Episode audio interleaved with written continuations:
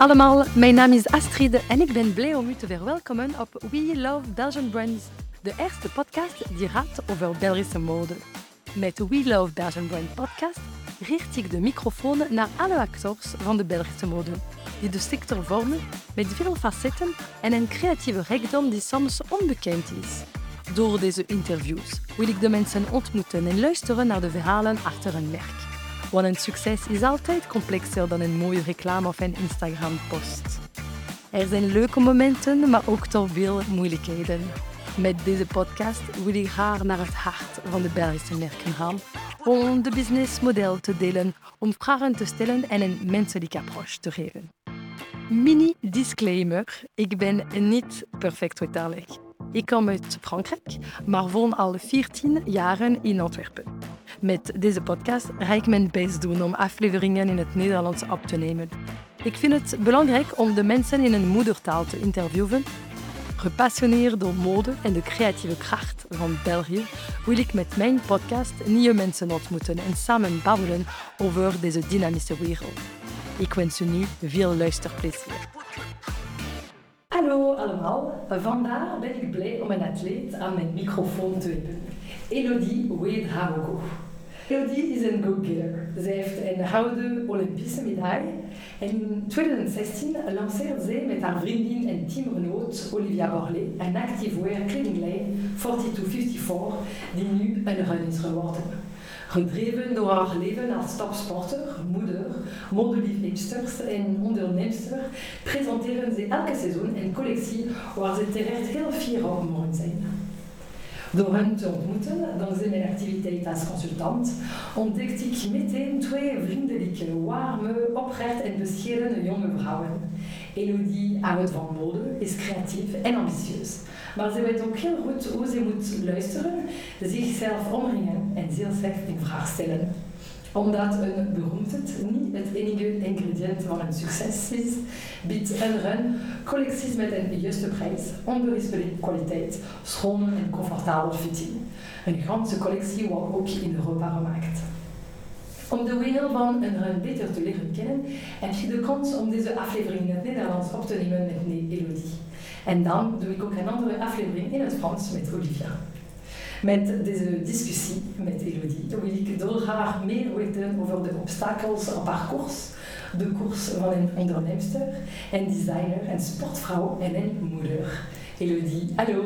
Hallo Astrid. uh, wie ben je, Elodie? Kun je een paar uh, woorden je voorstellen? Oh, wie ben ik? Uh, ik denk dat ik iemand ben die um, heel uh, gedreven is. Um, die uh, creatief is, um, die zichzelf ook wel heel, heel vaak in vraag stelt. Enthousiast en ik, ik hou van het leven echt. Oh, leuk ja, om echt te waar. En uh, dat vind ik ook altijd leuk om te weten. Wat was je droomjob toen je kind was? Wel, mijn droomjob was om kapster te worden of Ah. zangeres. Ja, ik ben, zangeres. eh, ik ben opgegroeid met Sandra Kim hè, en ik vond dat Ja. zo fantastisch wat dat zij kon. Ik wist toen nog niet dat dat een uitzonderlijk talent is, zo goed kunnen zingen. Maar ja, ik droomde niet van de modewereld eh, als kind. Nee, en van sport? Sporten, ik, ik, wij werden vroeger eigenlijk altijd verplicht om te sporten. Dus mijn ouders hadden zoiets van, in september kies je een hobby en je doet dat een jaar. En moet en je moet sport doen. Het mag zijn wat dat je wilt, maar je moet het wel een jaar volhouden. Ja. En ik heb dus ook echt alles geprobeerd, van dansen tot ballet tot turnen. En uiteindelijk toevallig eh, in de atletiekwereld terechtgekomen. En dat was eigenlijk het leukste. Niet omdat ik heel goed was in atletiek, maar dat waren de leukste mensen. Dus daar ben ik het langst blijven hangen. En uiteindelijk bleek dat ik dan ook nog wel wat talent had voorlopen. En eh, zo heb ik dan mijn... eh, dat was het begin van mijn carrière. Hoe oud was je toen je Ik was negen jaar.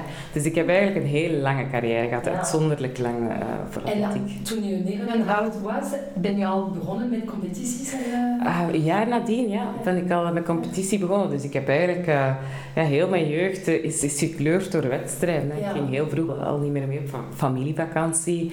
Omdat in de zomer was het dan altijd wedstrijd. Eh, dus ja, ik heb achteraf gezien veel opgeofferd eh, voor een carrière. Maar ik heb er ook heel veel van teruggekregen. Dus Ja. het voelt niet als een opoffering aan, maar ja, er zijn zeker wel mijlpalen die dat andere leeftijdsgenoten hebben gehad, die dat ik niet heb uh, Ja. gekend. Tuurlijk. Eh, dus direct hebben ze gezien dat je talent had. Dus, Ehm, ja, ik denk dat ze onmiddellijk zagen dat ik talent had. Maar natuurlijk op die leeftijd is dat heel moeilijk, omdat heel veel jonge kinderen zijn ergens goed in en die kan je ook heel makkelijk trainen, want zo'n jong lichaam kan ook heel veel aan. Maar het is de keer dat je zo 16, 17 jaar wordt, je gaat in de puberteit, je lichaam ja, verandert, ja.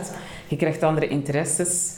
Om dan door te zetten is het moeilijk. Zeker omdat je dan leeftijdsgenoten hebt die dat dan wel in het weekend naar de vijf gaan van de scouts of de. Giro.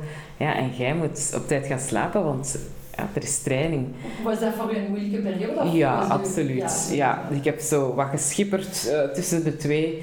Maar uiteindelijk eh, beseft je wel dat je, als je droomt van een carrière als, als sportvrouw, dan, dan, dan kun, je, kunt je niet de twee doen. Nee. En had je toen dan, toen je 16 of 17 al de ambitie om, om, om echt een, een topsporter te En- Eigenlijk wel, omdat dat kwam. Ik, ik was toen nog, ik ben Burkinese van eh, afkomst en ik kreeg toen de aanvraag om naar de Olympische Spelen te gaan in 96, Atlanta voor Burkina Faso. En toen Ah. is dat idee gegroeid om, eh, om toch meer te doen met de sport. Maar ik was uiteraard, heb toen beslist om dat niet te doen. Ik was veel te jong. Ehm, ik ging later niet meer voor België hebben kunnen uitkomen als ik eh, voor Burkina Faso had gelopen. Dus we hebben dat niet gedaan, maar... ehm, Dus dat was een keuze dat je ja, dat is een, eh, een keuze dat ik had moeten maken, maar ik ben Ja. toen wel beginnen dromen van de Olympische Spelen. Oké, oké, cool. Je bent wel Belg Ja, geworden. Op mijn achttiende heb ik dan eh, Ah, definitief gekozen voor de Belgische nationaliteit en dan ben ik... eh En ben ik op heeft je ook opportuniteit. Absoluut, absoluut. Ik, ik kon altijd, zelfs geen Belgische was, zat ik bijvoorbeeld in een, een- in een programma van jeugdwerking, dus ik kon mee op stages gaan. Ik werd wel al gesteund, dus voor mij was dat heel logisch dat ik ook eh, voor de Belgische nationaliteit kon op het moment dat, koos op het moment dat dat echt kon. Ja, natuurlijk. En, eh, maar wel interessant, dat vind ik super. Eh, en wat is je achtergrond, je, je studie? Wat heb je... Ja, ik, ik heb altijd heel veel fantasie gehad, dus ik was wel creatief, maar ik schreef ook heel graag. Dus ik heb een opleiding journalistiek gedaan. En dan de laatste twee jaar van mijn carrière, mm, ik voelde van ja, het gaat niet meer lang duren. Ik was ook heel vaak gekwetst en dat was het moment waarop ik dacht van misschien moet je ook eens kijken naar wat er nog is. En ik denk dat je een betere sportvrouw gaat worden als je rustiger wordt en als je niet meer bang bent voor dat einde. Want vroeger was dat ja, carrière is gedaan, zoek het maar zelf uit. Nu is dat gelukkig allemaal wel verbeterd, maar dat heeft mij heel veel rust gegeven op het einde van mijn carrière. En Toen dat ik wist van, ja, als, als ik stop, ja, dat is hier niet het grote niks. Dus ik heb zelf eigenlijk een mailtje gestuurd naar El België, het modemagazine. eh, van, ja, zou ik hier misschien een stage kunnen komen lopen? Hoe oud Ik zei was je toen? Ik was toen eh, 29. Hè. Ik zeg, ja, het zijn de laatste jaren van mijn carrière. En ehm, ik ga stoppen binnen twee jaar, maar ik wil mijn afscheid al een beetje voorbereiden. Kan ik hier drie maanden blijven? Uh, zo ja, goed, is goed, doe maar. En uiteindelijk, eh, na drie maanden hebben ze mij een contract aangeboden en heb ik daar twee jaar eh, rondgehangen. En toen dat echt afgelopen was, dan ben ik voor tv gaan werken. Dus je had al talent om, eh, om te kunnen schrijven. En, eh, Ja, ja, ja, ja. dus ik, eh, ik, heb wel, ik, ik heb de laatste twee jaar van mijn carrière eigenlijk een job gecombineerd met, met topsport. En hoe oud was je toen je bent gestopt met... eh, 31. Dus na de Olympische Spelen in Londen in 2012 ben ik definitief gestopt. Oké. Dus ik heb nog één keer doorgegaan na die medaille in Peking, nog vier jaar. Maar dat waren, dat waren ook wel best eenzame jaren, omdat dan een heel goede vriendin Kim Gevaert, die in het team zat, die was gestopt. Ah, ja. Uh, sommige van de meisjes waren gekwetst, dus we zijn heel dat team is zo uit elkaar gevallen na, Ah. na Peking. Ja, en ik was vaak alleen en ik besefte ook van ja, ik vond dat wel, ondanks het feit dat individueel dan Ja. mijn eigen prestaties goed waren, miste ik dat eigenlijk heel hard van altijd in dat team te zitten en besefte ik ook dat ik heel veel van dat plezier haalde uit dat groepsgegeven en niet zozeer omdat ik de allerbeste wilde zijn. En dacht zo na Londen was het voor mij eigenlijk heel goed geweest. Ja. Ja. Ben, ben je blij, ben je trots op je, op je carrière als je... Ja, ik denk dat elke atleet zo momenten, een moment heeft in zijn carrière waarvan hij of zij zegt van dat ik anders willen of kunnen doen of dat het meer kunnen zijn. Maar ik ben op mijn negen begonnen, ik heb tot mijn 31ste kunnen lopen. En ja, als ik zie, ik heb ook mijn moment kunnen kiezen waarop ik gestopt ben in, in, op het Koning Stadion voor eh, vrienden en familie uitgezet. Ik had me eigenlijk geen mooier afscheid kunnen voorstellen. Dat Dus, mooi. heel dankbaar. En van sport naar mode? Ja. Hoe is het uh, gekomen? Ja, ik denk dat dat vooral... Mensen vragen dat vaak, maar ik denk dat dat komt omdat mijn mama was een, een naaister. Aha. Dus uh, we waren een groot gezin, vijf kinderen. We hadden helemaal niet die budgetten ook om te gaan shoppen. Dus we gingen heel vaak uh, aan de winkelramen kijken, wat is er Ah. in? En dan gingen we naar een stoffenwinkel in Leuven, waar dat we dan stof uitkozen. En zij maakten eigenlijk altijd alles na voor ons. Wauw. Dus ik ben heel mijn leven wel omgeven geweest door zo van die patronen en dan die boekjes van knipmode en Burda. Dat waren dan zo de boekjes waar dat je dan in keek voor inspiratie. Dus ik vond dat helemaal niet zo, niet zo vreemd. Ik heb mijn, uh, mijn eerste trainingspak ook zelf ontworpen met mijn Ah, mama en, en mijn, mijn communiekleren. Dus ik, ik ben altijd wel gefascineerd geweest door mode. Mijn zus uh, wilde op een gegeven moment ook modeacademie gaan studeren. Uiteindelijk is iets anders gaan doen. Maar ja, dat was... Ik, ik hoorde mijn moeder altijd praten over de Belgische mode en Belgische ontwerpers. Dus dat was ja, natuurlijk niet de budgetten om dat te kopen. Maar ik ben daar altijd door geprikkeld geweest. En uh, ben echt... Uh, mijn interesse in mode is echt aangezwengeld toen dat ik voor tv ben beginnen werken. Mm -hmm. Omdat ik was ja, natuurlijk jong, uh, onbekend. Ik moest af en toe op tv. En als je een bepaalde waarde, een bepaalde bekendheid hebt, ja, dan heb je natuurlijk een stylist en mensen gaan voor je shoppen en je wordt gekleed. Maar ja, ik, ik had dat helemaal niet. In het begin dan was dat heel ambitieus, altijd naar winkels mailen, want zeg, willen jullie mij misschien iets uitlenen? Daar kwam natuurlijk nooit antwoord op. Dus ik heb vrij snel beseft van, ja, ik ga moeten ontdekken wat ik zelf mooi vind Ja. en hoe dat ik me kan kleden en wie dat ik wil zijn Ja. op tv. En eh, ik ben dan begonnen met, eh, met naar stokverkoop te gaan en, Ja. en zo eigenlijk Belgische merken leren kennen en, en ontdekt dat wij gewoon enorm veel talent en enorm veel creativiteit hadden. En, en dat was fantastisch dat je... Dan, dat is natuurlijk dan niet het laatste nieuw, maar dat je een stukje van die designers in de wereld kunt hebben aan een budget dat je zelf kunt betalen. Dus ja, voor mij is dat, ja, ik draag al, al, al meer dan tien jaar Belgische mode, maar dat is iets, dat, Ja. dat is bij mij, dat is, dat is de evidentie. Ik, ben daar, ik heb niet op een gegeven moment gezegd van, oh, misschien moet ik dat maar eens gaan doen, want misschien is dat cool. Ja, dat is, Nee. dat is altijd die liefde en de trots op, gewoon voor de know-how dat er hier is in België. Zelf. Maar ja, van passie naar uw eigen label Ja. te lanceren met Olivia is daar iets anders. Ja, Hoe absoluut. is het? hoe is het Absoluut. Ja, eh, Olivia is op een gegeven moment met dat idee naar mij gestapt. En ik denk vanuit die passie van zelf eh, bezig zijn met mode en met kleden en mijn eigen styling doen. Eh, dus ik dacht van, ja, cool, we doen dat gewoon. Zij zei van, ik heb eigenlijk dat idee van een sportcollectie te ontwerpen, want... eh, en dat was ook wel zo, wij we hadden dezelfde interesses, we hadden vaak dezelfde magazines, we leggen dan samen op de kamer.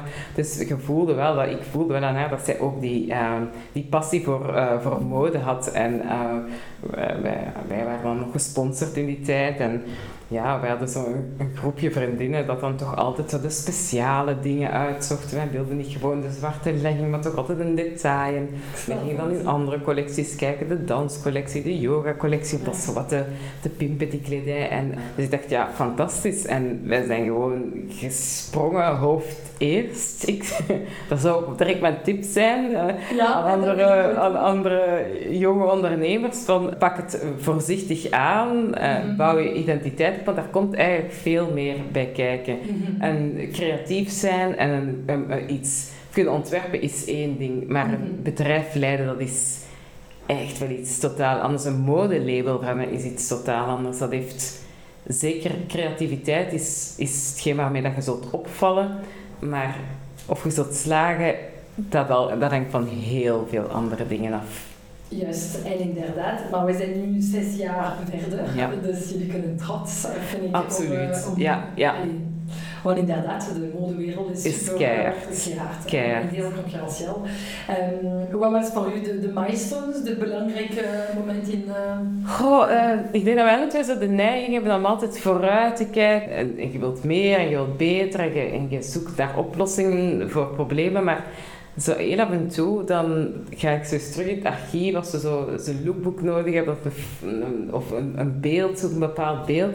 En dan denk ik altijd zo van, ja, je hebt echt eigenlijk ongelooflijk eh, veel gedaan al en je bent echt van nul begonnen. Met gezegd van, oké, we hebben allemaal een beetje spaargeld dat wij Mhm. hebben van onze carrière. We hebben ook al ons geld daarin gestoken en we zijn hier nog altijd. Ik zou kunnen zeggen van, ja, dat is toen dat we Vogue hebben gehad of toen dat we Ellie Goulding hebben gekleed. En dat is, dat is allemaal leuk, maar vandaag denk ik van dat, dat, dat wij altijd zijn blijven werken en zijn blijven vechten en naar oplossingen zoeken. En ja, dat vind ik veel belangrijker dan...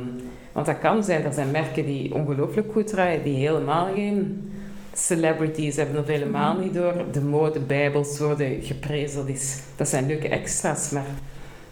Ik denk zo elke keer als je dat, dat lukt, die collectie is af, hangt in een show, mensen komen kijken, dat, dat, zijn de, eigenlijk de, de milestones, dat zijn Ja, de echte successen.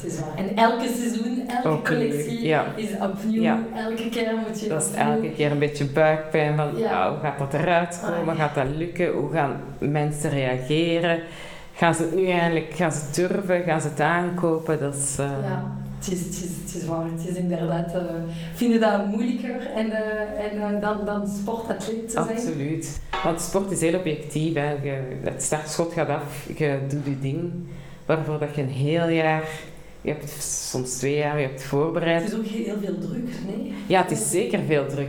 Maar ehm, concurrentie heb je nooit in de hand. Maar je hebt- kunt wel controleren hoe dat jij omgaat met die situatie, want je, je hebt daarvoor gewerkt. Een collectie maakt je, en dat is heel vaak ook, afhankelijk van wie dat er voor je staat.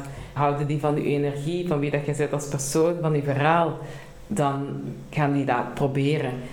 Hebben die geen zin om te kijken? Hebben die een slechte nacht gehad? Want dat hebben wij ook al voor gehad. En die kijken letterlijk twee minuten naar, naar 20.000 euro aan samples.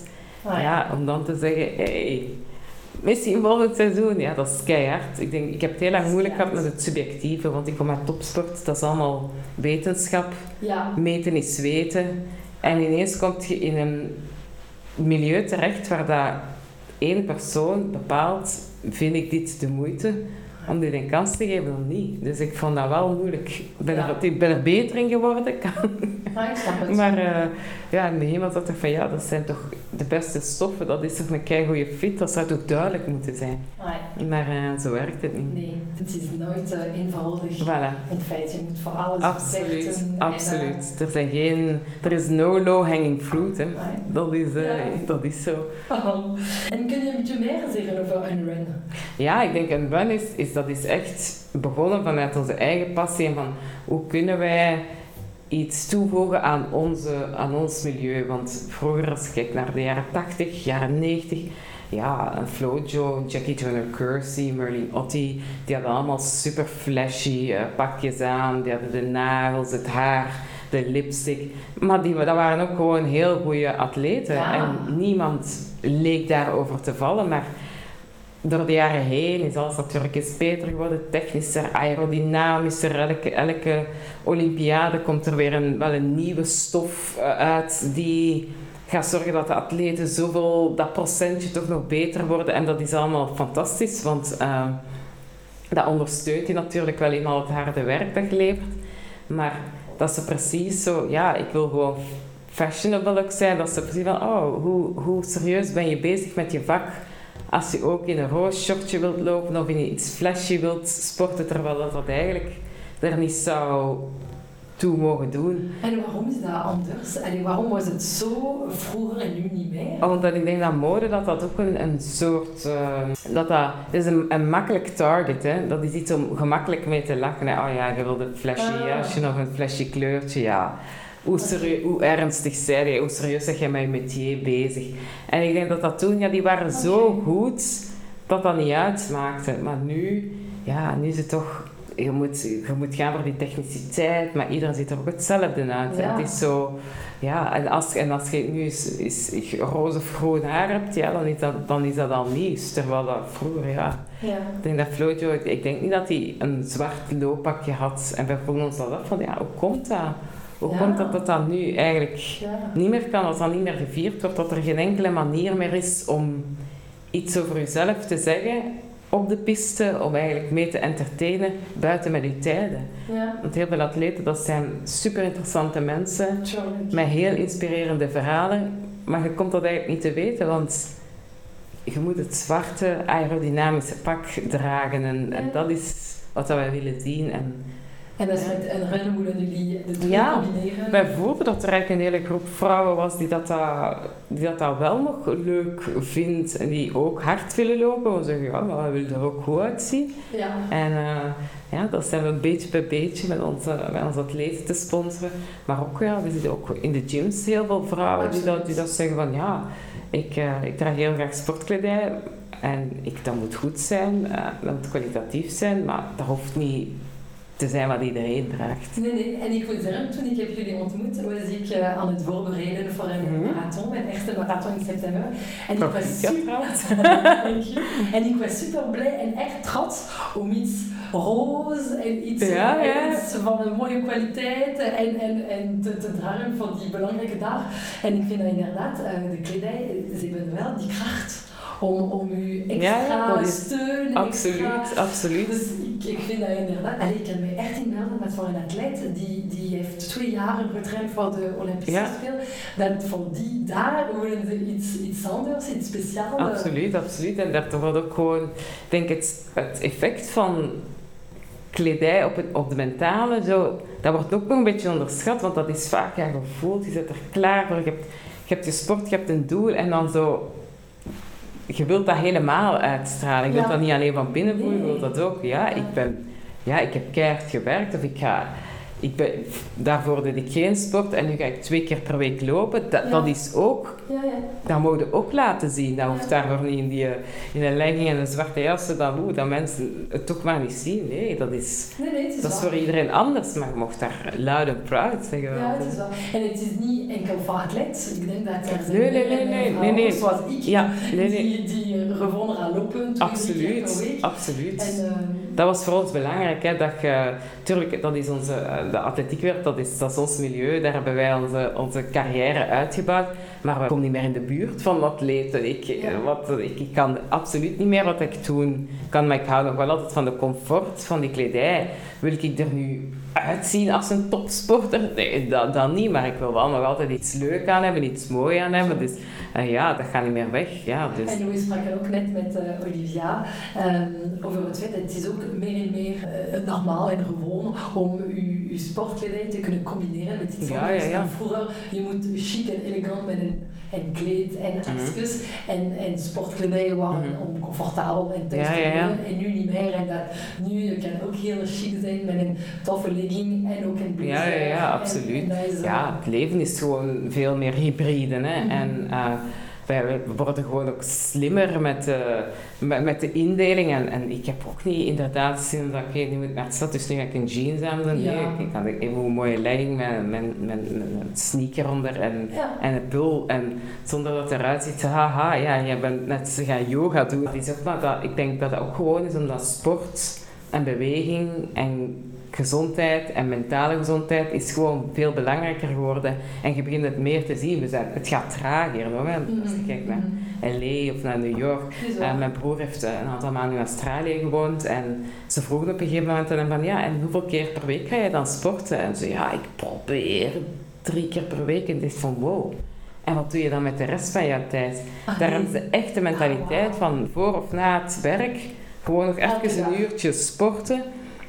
En ik geloof daar eigenlijk ook wel in. Ik, dat we daar gewoon als maatschappij veel harder op zouden moeten durven inzetten. Ja, ik vind dat ook. Omdat we benadrukken, sport is nu te veel vanuit een, ja, je moet sporten, want eh, je moet zo'n benen hebben, of zo'n armen, of, of een sixpack.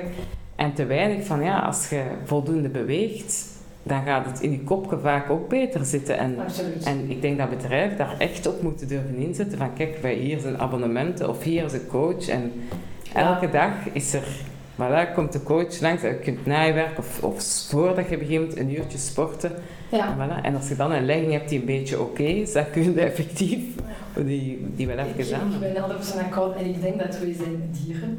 Ja, ja. En we zijn gemaakt om te gaken, om te Ja. vissen en niet per se eh, acht uur achter ons Ja, wel, het is achter een, een scherm, ja, dat is. Dus inderdaad, we zijn gemaakt om te bewegen. Hè? We Ja, absoluut, we moeten absoluut. veel meer bewegen. Het is mijn droom en mijn ambitie, eerlijk gezegd, om elke dag te kunnen sporten. Ja, ik ik, doe dat nu niet, hè? maar ik zal dat heel graag willen doen. ja, maar in de zomer doe ik dat bijvoorbeeld wel. Dan is het is niet mooi weer, je kunt veel vroeger vertrekken dan ook. Ja, En dan denk ik, ja, en dan is dan, voilà, ik heb dat nu gedaan en nu kan ik een dag beginnen. En ik merk toch ook dat ik gewoon veel meer aan kan. Ja. Want ik ben fysiek beter, dus Absoluut. Elke keer dat ik eh, ben gaan lopen, mm, heb ik een topdag. ja, Dat, eh, ik snap dat. Echt waar. Ik snap Dus, dat. eh, Ja, ja. Maar bon, gemakkelijk gezegd, ik vond het toch wel moeilijk om... Ja, ja, tuurlijk. maar, Het, het vraagt dat de discipline. maatschappij, ja, allee, Ja, ja. zeker... Maar we zijn er niet op, onze maatschappij zijn nu niet op, niet op ingesteld. We vinden het belangrijker dat mensen om 9 of om 10 uur tjong, achter die computer zitten om mails te beantwoorden. En dat we zeggen, voilà, begin om 11 uur, ga eerst, Ah, ga eerst sporten en fris. ah, Je bent gefocust en je gaat hetzelfde doen. Dat, dat dat je soms doet in 8 uur, in 6 uur, omdat je de energie hebt om even dan die aantal uur gewoon Mm. super gefocust te zijn. Het is meer en meer bekend eh, trouwens dat de Mm. productiviteit van de mensen is zeker niet Tuurlijk. de uur dat je Tuurlijk, doet. En dat eh, ja. die Elon Musk bijvoorbeeld Ja. zei dat die werken 80 uur per, per week. Fijn, maar dat wil niet per se zeggen dat Ja, je- dat je ook, dat je ook productief bent, dat je goede dingen doet ook in die 80 uur. Dat denk ik ook. Maar eh, super, ja, super interessant. En een run, ehm, wat zijn de dagen vandaag de grootste uitdagingen met eh, een run? Goh, eh, ik denk zoals veel merken groeien. Hè. Dus de sportswear, dat is een heel verzadigde markt die heel veel rond marketing draait. En kwalite- kwaliteit ook niet altijd eh, online kun je dat natuurlijk niet zien. Hè. En ehm, ik weet nog toen we pas begonnen, iedereen zei van oei oei oei, en de Nike's en de Adidas van de wereld, dan ga je daar tegenop boksen. Zeg, ja, maar wij willen dat ook, dat is ook helemaal onze ambitie niet om dat te zijn. Ja, we hebben heel lang onze eigen dingen gedaan, maar wat dat je wel merkt van die hele grote merken is dat eh, die, die hebben natuurlijk budgetten om coole collabs te doen. Die zijn altijd cool tussen aanhalingstekens. Terwijl we allemaal weten, zij doen dat omdat ze moeten on top of their game blijven en ze moeten het coolste merk blijven. Maar ja, wat dat ze verkopen is natuurlijk eh, de, de, de zwarte legging van, van 30 euro. Maar Ja, ze hebben gevoeld, gevoeld dat die zoveel macht hebben en dat die zoveel sneller kunnen gaan dan, dan kleinere merken die dat dan misschien super creatief zijn en die echt moeite doen om te kijken van waar wordt het geproduceerd, hoe wordt het geproduceerd. En dat is, wel, dat is wel iets dat ik in het begin raar vond als mensen dat zeiden, maar dat ik nu wel snap hoe, Mhm. hoe belangrijk dat marketing is in eh, de modewereld. ja, juist. En welke advies, je hebt het al mij goede tips gegeven, maar heb je nog een ander advies dat je zou geven aan een modewerk? Ja. Ik denk dat je heel goed moet nadenken en probeer heel snel vooral moet proberen te bepalen wie dat die markt is. Hmm, Tegen wie spreekt je? hmm, Begin met één goed product hmm. en zorg dat dat verkoopt en bouw dan je merk uit. Want je hebt natuurlijk heel veel merken hebben het idee van, oh ja, we moeten dat hebben en we moeten een broek hebben en we moeten een t-shirt hebben en we moeten een pil hebben. Ja. En, we moeten, en we hebben die fout in het begin ook gemaakt. Maar als jij bekend bent voor die toplegging, Ah, maak dan topleggings. En begint er daar in een later fase, als mensen, iedereen de toplegging hebt, doet er dan iets bij, een t-shirtje bij of eh, een topje bij. Dat je denkt van ja, ik wil wel graag iets meer van het merk, maar je hoeft niet alles aan te bieden. Nee, nee, het is waar. O- Off-White is daar een heel goed voorbeeld van. Die zijn begonnen met een t-shirt met strepen op hem. Het is waar. En nu is dat een heel ander merk, maar je hebt je Halo product nodig. Ja, ja. Dus eh, vind iets dat goed is. Probeert heel snel te bepalen wat is, welke doelgroep reageert nu echt. Wie is uw finale klant? Voilà, en zet daar keihard op in. Hè. En wie is uw finale klant, denk ik, denk je, van eh een run? Wie dat de finale klant is van een run.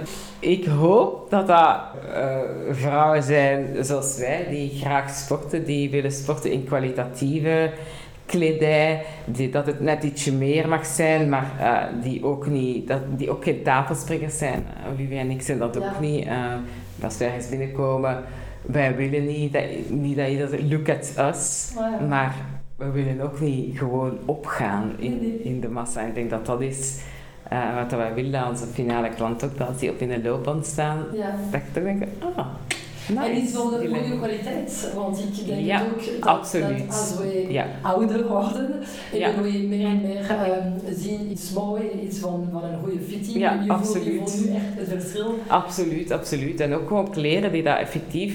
Dat, het- het grootste compliment is dat, dat we kunnen krijgen als iemand zegt van, oh, ik heb twee jaar geleden die legging bij Ja. gekocht en ik draag die nog altijd en ik ben daar zo blij van. Dat is, dan doen wij ons werk goed. Ja, absoluut. Of als iemand zegt van, oh ik voel me echt zo goed in die Ja. legging, die zit super goed, dan, dan dat, dat, zeg, dat is eigenlijk, dat zijn belangrijkere mijlpalen dan, Het is waar.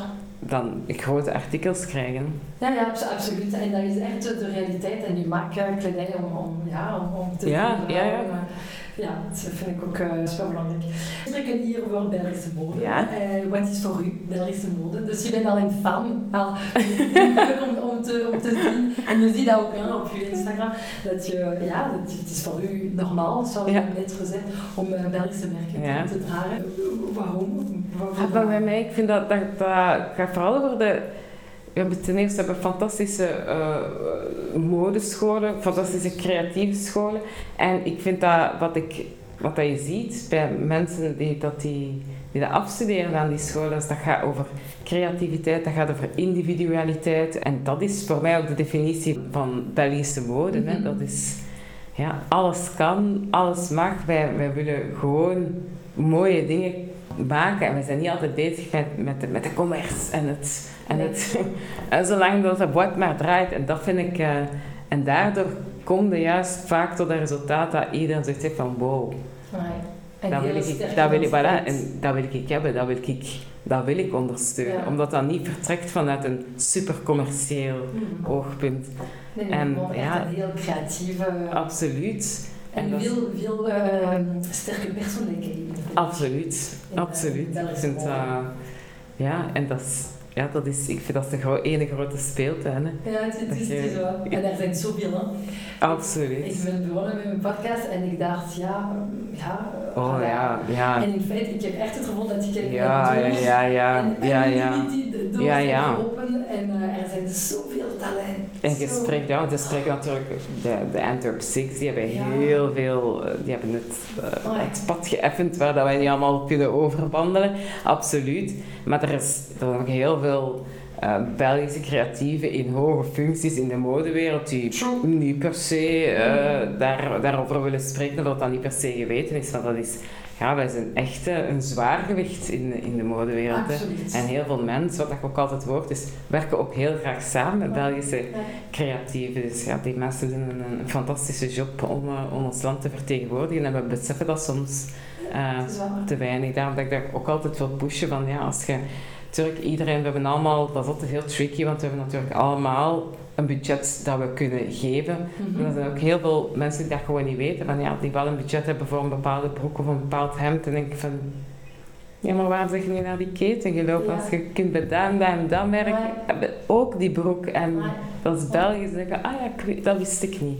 Dat wist ik niet. Nee, ik denk dat daar, uh, allee, daar gaan nog tijd nemen, maar ik vind dat België is toch heel, heel... Ja, ja, ja, we beginnen onze schouders terecht. Belgisch Ja, en voilà. nee, Maar dat zijn heel absoluut goede initiatieven. ja, en dat, maar dat is ook een stuk opvoeding. hè. Je kunt natuurlijk niet eh, verwachten van mensen dat ze zomaar de weg naar je vinden. Juist omdat we ook altijd moeten opboksen tegen merken die dan gigantische marketingbudgetten hebben, die Mhm, gigantische affiches kunnen hangen. Dus ja, dat is het eerste wat dat je ziet in het straatbeeld. Ja, En daarom dat dat heel belangrijk is dat we dat blijven pushen. absoluut. Ook mensen die, die dataplatform hebben, dat ook gebruiken Ja. om, om dat mee te ondersteunen. Maar ik moet in, ik, eh, ik zie dat, zeker met COVID, ik denk dat er is iets Ja. is een beetje... Ja, ja, ja, ineens. We zijn een stukje trotser geworden. Dat is een beetje ieder voor zich. En we zijn voor een En stuk... ook, ook in de winkels. Ik denk dat tien jaar geleden waren ze heel trots om te zeggen ik heb dat in New York of in Mm, Parijs of eh, Absoluut. Düsseldorf of, of Ja, gekocht. Dat was het absoluut. soort van... van Ja, ja, ja. Van, van, ja, van, Dat, dat, dat exotische was Ja. sexy, hè. En nu, en nu Ja. minder en nu niet meer. En nu zijn de Absoluut. ook eh, meer, meer eh, blij en trots om te Absoluut. zeggen. ja. En we hebben het ook. En de kwaliteit en de creativiteit is waarom?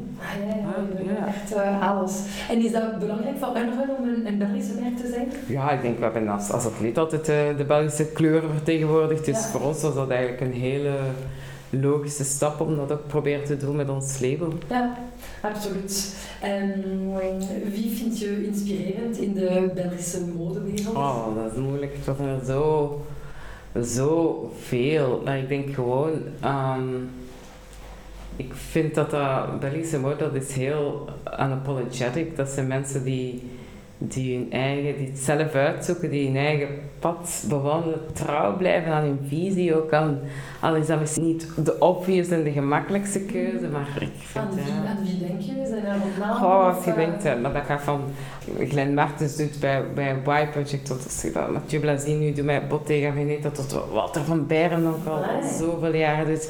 Eh, Raf Simons, Amai. Dries, die nu een Ja. topcollab gaat doen met Stussy. Ik ga voor, maar, voor klaarzitten tot een Stefanie Dijger met haar juwelen die zo out of, outside of the box denk ik. Christian Wijns, er zijn zo Zoveel. Echt Zo- super sterke Zoveel, heel sterke identiteit en, en, individualiteit. Ik vind dat, ja, ik vind, eh, dat geeft ook wel hoop ergens. Absoluut. Als je, als, als, zeker als een jonge merk wordt je heel snel richting het super commerciële gepusht, omdat, want dat verkoopt, dat kunnen we makkelijk verkopen in onze winkel, dus doe dat maar. En dat is heel moeilijk om dan te blijven doen wat dat je echt wilt doen. Ja.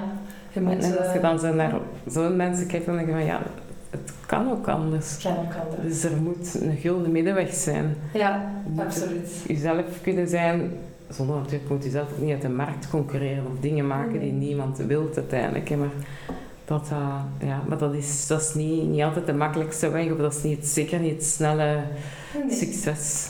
Maar het is eh, inderdaad wel inspirerend. Absoluut. Denk je, Elodie, Heel graag gedaan. er zijn eh, nog dingen dat je wil eh, met ons eh, delen? Belgisch, zou ik Voilà. Absoluut. Inderdaad, er zijn daar zoveel mooie, modische Ja, Belgische absoluut. merken. En van alle ehm gamma, vind ik. Allee, Absoluut, Prijs, absoluut. Ja, nee, dat is ook heel belangrijk, dat Ja. mensen weten dat het natuurlijk Ja. We zijn heel snel naar Ja. de grote namen. Daar is Ja. een, het premium segment is even goed, even creatief, Ja. even origineel. En dat Ja. mogen we ook niet vergeten, dat, Nee. dat die perceptie van dat Belgische mode is alleen maar duur, daar moeten we ook echt vanaf. Absoluut. Dat is kwalitatief, dat is de juiste prijs voor mooie kwaliteit. Ja, abso- absoluut. Het is eh, voor mijn podcast dat wel belangrijk. Allee, iets dat ik zelf vind belangrijk. Dat, dat mode, Belgische mode is niet Ja, enkel nee, nee, de, absoluut. de, big, de big name en, en, de, en eh, allee, ze zijn zeker super belangrijk. En, en, ja, en ik zou heel graag drie van Noten op een micro maar, eh, Manifest it. ja, maar er zijn ook voilà, leuke kleine Absoluut. ondernemsten. Allee, zoals jullie Ja. met Olivia. En het is wel ook een super inspirerend verhaal voor, eh, voor iedereen. Dankjewel, dankjewel. Dank je, Elodie, en eh, tot ziens. Gedaan. Heel erg bedankt voor het luisteren naar deze aflevering tot het einde. Ik hoop dat je ervan hebt genoten. En als dat het geval is, nodig je uit om het te delen en het met vijf sterren te beoordelen. Het zal mij heel helpen om meer zichtbaarheid te verwerven. En als je mensen of projecten hebt om mee voor te stellen of je hebt vragen, aarzel dan niet om mee te vinden op mijn Instagram-pagina we underscore love underscore underscore brands. Ik zie je over 15 dagen voor een volgende aflevering.